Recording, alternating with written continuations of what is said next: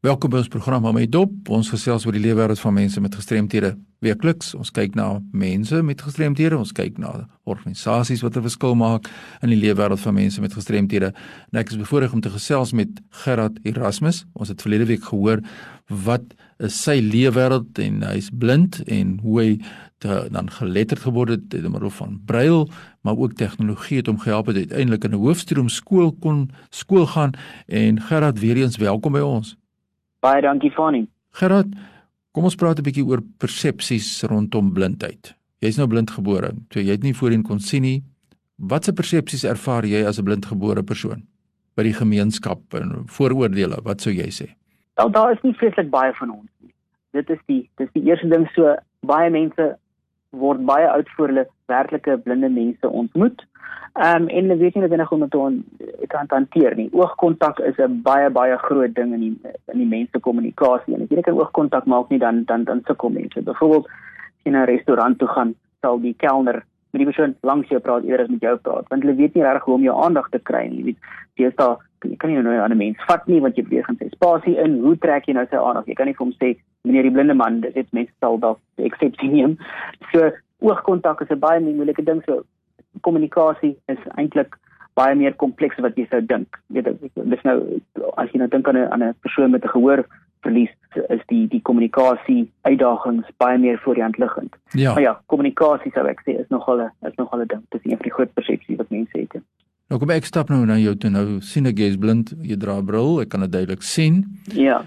Of ek vermoed jy's blind, nou kom steek ek ja. my hand uit na jou toe. Nou ja. jy weet nie waar ek staan nie, jy weet nie waar my hand is nie. Uh, wat sê jy vir mense? Wat moet hulle doen om seker dat daai twee hande mekaar nou ontmoet as hulle mekaar wil groet? Ek kan is my hand en dan sal die meeste blinde ouens dan min of meer kan aflei om die regte hoogte veral omdat jy kan hoor waar die klank van die stem vandaan kom. As dit 'n baie ja. lang persoon is, dan kan jy ek kan hom min of meer op die regte regte hoogte jou hand uitsteek en dan kan jy sien die persoon met die hand vat. Jy weet, mens kan 'n groot moeilikheid kom natuurlik as jy met jou hand uh, uitsteek en dan kan jy mens kan jy nie moeilikheid kry daar. Maar dit gebeur baie minder as wat jy dink. Nou, jy praat van die restaurant en nou kom die persoon ja. wat blind is in die restaurant en jy sê hulle praat met die derde persoon. Vra vir ja. jou 'n vriendin of jou vrou, wat sal Gerard eet? En nie regheid met jou nie, want hulle weet nie hoe om met jou te kommunikeer nie. Jy weet skielik asof jy nou 'n verstandelike gestremdheid ook het by mm. so wat mense vir my sê. Nou, hoe hanteer jy dit as mense so deur die derde persoon met jou praat? Sê jy luister, hier is ek nie, praat met my of bly jy maar stil of help jou vrou of jou vriendin die mense reg of wat is die beste manier om so iets te hanteer in die praktyk of laat jy dit maar net gaan? Ek kan baie dinge laat gaan, maar andersins sê ek met openlikheid. So my vrou sal sê vra vir hom of ek sal self sê jy kan met my gesels en dan is die dan is die ongemak eintlik maar verby. So, ja. As jy as jy dan met die persoon gepraat het dan is dan is die oor en verby en dan kan jy verder gesels en dan dan is daar nie meer verdere moeilikheid nie. Maar daai eerste daai eerste kontak is nogal moeilik ja. kry. Dit maak mense ongemaklik of nie ongemaklik nie. So hoe ja. meer gemaklik jy is en dit hanteer, ja. hoe gemakliker is die mense wat nou hierdie onsekerhede het saam met jou. Dit is vir my persoonlik die belangrikste ding is om mense op hulle gemak te probeer stel. Ja. Dit is, dit is, is my, want mense moet bewus wees daarvan dat jy is maar anders. Ja. Ons is in 'n klein as jy dink aan blinde mense wat nou letterlik nie voor hulle oë kan sien. Ons is bitter min. Net daar's baie swaksiende mense, mense wat of 'n oogkondisie het of met ouderdom swaksiende word. Maar blindheid is, is, is jy kan baie oud word voor jy 'n werklike blinde persoon ontmoet. Eerder as op as sien met in die strate of op miskien op TV of so. Ja. Maar ja, dit is dit is iets unieks. Kom ons bly by die restaurant. Daar's miskien mense wat luister, hulle is nou 'n uh, kelner of 'n kelnerin in 'n 'n restaurant. Nou sit jy daar, jy's miskien alleen. Wat wil jy hê moet die ou nou vir jou sê as hy nou daai uh, bord kos vir jou bring? Dis nou miskien groente, dis miskien 'n stukkie vleis, uh, en hy sit nou dit voor jou neer. Moet hy vir jou vra, kan ek dit vir jou sny? Wat wat sê jy gewoonlik vir mense as hy nou daai bord kos neersit? As jy nou wel as jy nou dalk iemand nie by jou het nie. Ja, dan sal die die vraag van my kant af kom. Dit ek voel jy moet jy moet jou behoeftes oordra. Ja. Want die mense weet nie. Hulle sal waarskynlik nooit weet nie. Dis nog dis nie blindheid is nie deel van die kurrikulum nie. So mense sal nooit weet nie. Die die die, die onus berus op jou om jou behoeftes bekend te maak. En mense is baie openlik om jou te help. Jy kan mense omtrent enige ding vra en hulle vir jou kan bystaan daarmee.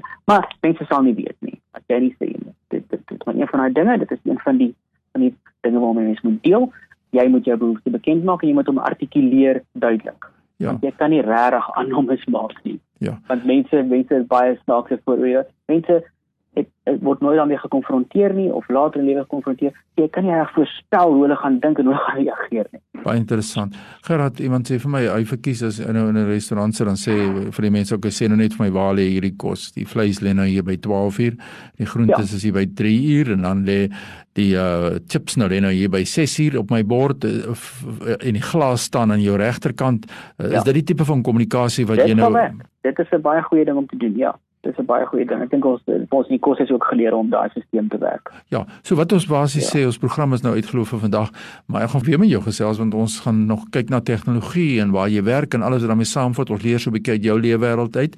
Dis Gerard Erasmus. Hy is iemand wat werk by Edit Microsystems en hy's blindgebore en hy, hy leer sy lewe wêreld met ons dat ons 'n bietjie meer kan leer met mense met 'n sensoriese verlies. En dit sig in hierdie geval is totale verlies. Gerard, sê net vir ons as mense jou nou wil skakel, waar kry hulle vir jou in die hande om bietjie te gesels oor blindheid of dat self enige ander vorm van sigverlies want jy ken tog maar die breë spektrum al is jy nou heeltemal totaal blind. Waar kry mense jou in die hande?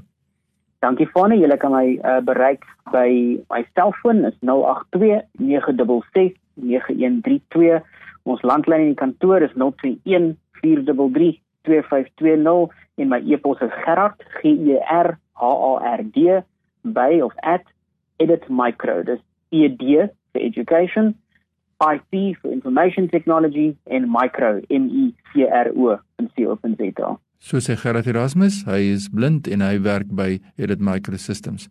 As jy inset in hierdie program wil maak, stuur sommer nou 'n e-pos aan my by fani.dt by mweb.co.za. Groetens tot 'n volgende keer.